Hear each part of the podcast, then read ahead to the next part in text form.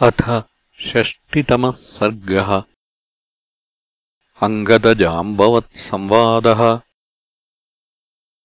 तस्य तद्वचनम् श्रुत्वा वालिसूनुरभाषत। अयुक्तम् तु विना देवीम् दृष्टवद्भिश्च वानराः। समीपम् गन्तुमस्माभिराघवस्य महात्मनः वायुसूनोर्बलेनैव दग्धालङ्केति नः श्रुतम्। दृष्टा देवी न चानीता इति तत्र निवेदितुम्। न युक्तमिव पश्यामि भवद्भिः ख्यातपौरुषैः। न हि नः प्लवने कश्चित् नापि कश्चित्पराक्रमे तुल्यः सामरदैत्येषु लोकेषु हरिसत्तमाः जित्वालङ्काम् सरक्षौघाम् हत्वा तन् रावणम् रणे। सीतामादाय गच्छामः सिद्धार्था हृष्टमानसाः।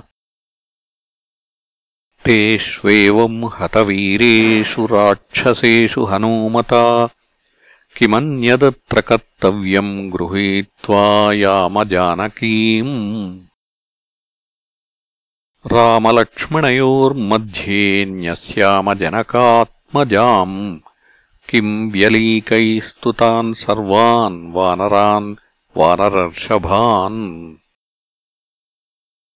वयमेव हि गत्वा तान् हत्वा राक्षसपुङ्गवान्। राघवम् द्रष्टुमर्हामः सुग्रीवम् सह लक्ष्मणम् తమేవం కృతసంకల్పం జాంబవాన్ హరిసత్తమః ఉవాచ పరమప్రీతో వాక్యమర్థవదర్థవిత్ నైషా బుద్ధిర్మహాబుద్ధే యద్బ్రవీషి మహాకపే విచేతుం వయమాజ్ఞప్త దక్షిణాం దిశముత్తమాం నానేతుం కపిరాజేన నైవ రామేణ ధీమతా कथञ्चिन्निर्जिताम् सीताम् अस्माभिर्नाभिरोचयेत्। राघवो नृपशार्दूलः कुलम् व्यपदिशन् स्वकम् प्रतिज्ञाय स्वयम् राजा सीताविजयमग्रतः